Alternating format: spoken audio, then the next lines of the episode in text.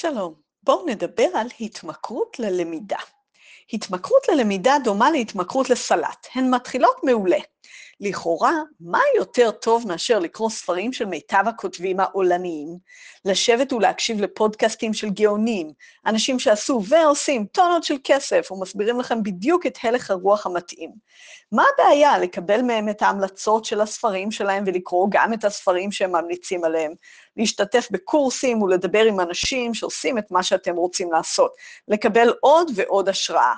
אתם נהנים ללמוד, אחרים מעריכים ואפילו מעריצים את הידע שלכם. יש לכם המון רעיונות, וייתכן שהרבה פעמים אתם האדם החכם והמעודכן ביותר בחדר. עד שמתחילים להיתקל בבעיה. הפער בין הידע שלכם לבין המימוש שלו והשגת תוצאות הולך וגדל. מי שחשוף לסוג ההתמכרות הזה, מלכתחילה הם אנשים חכמים, יצירתיים, והרבה פעמים מטיפוס המדען, באניאגרם זה נקרא טיפוס חמש. אנשים שהמשיכה הבסיסית שלהם היא לצבירת ידע והבנה, להבין עד הסוף ולדעת המון. ייתכן שהעיסוק הכי מתאים לכם הוא פרופסורים באוניברסיטה.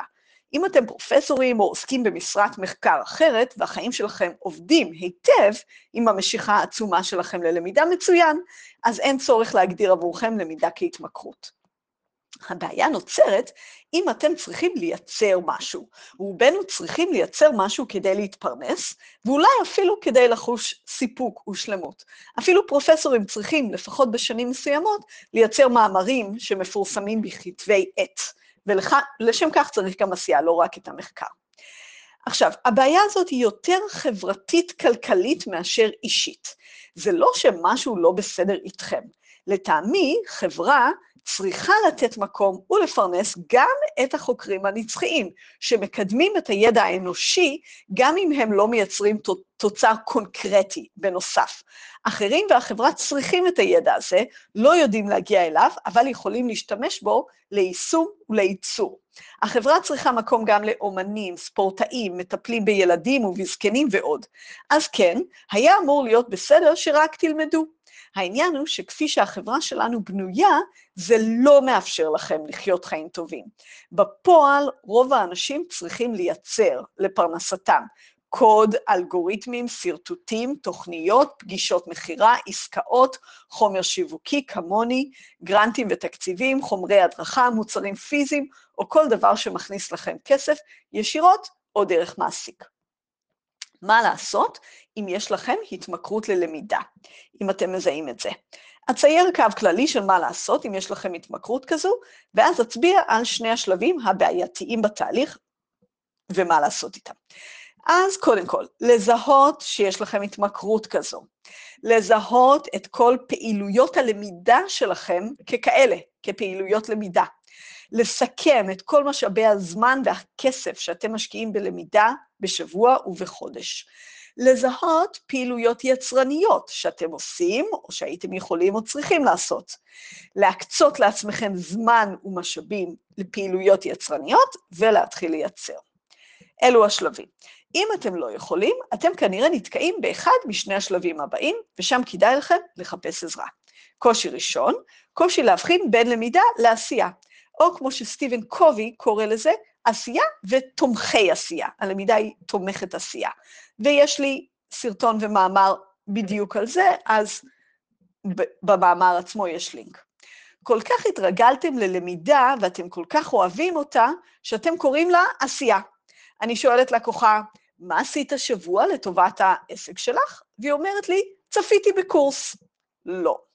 אם את עצמאית בתחום הנדל"ן, העשייה שלך היא פגישות עם לקוחות ומכרים פוטנציאליים, כתיבה של תיאורים לנכסים שלך, בניית המודעות שלך בגוגל וכך הלאה.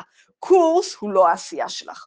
הוא אמור לתמוך בעשייה, האם הוא תומך? כנראה שבפועל, במקרה שלה לא, אבל הוא לא עשייה. ההבדל בין עשייה לתומכי עשייה אכזרי בשבילכם. זה אכזרי להבדיל, כי ייתכן שהעשייה שלכם בתחום מסוים היא אפס.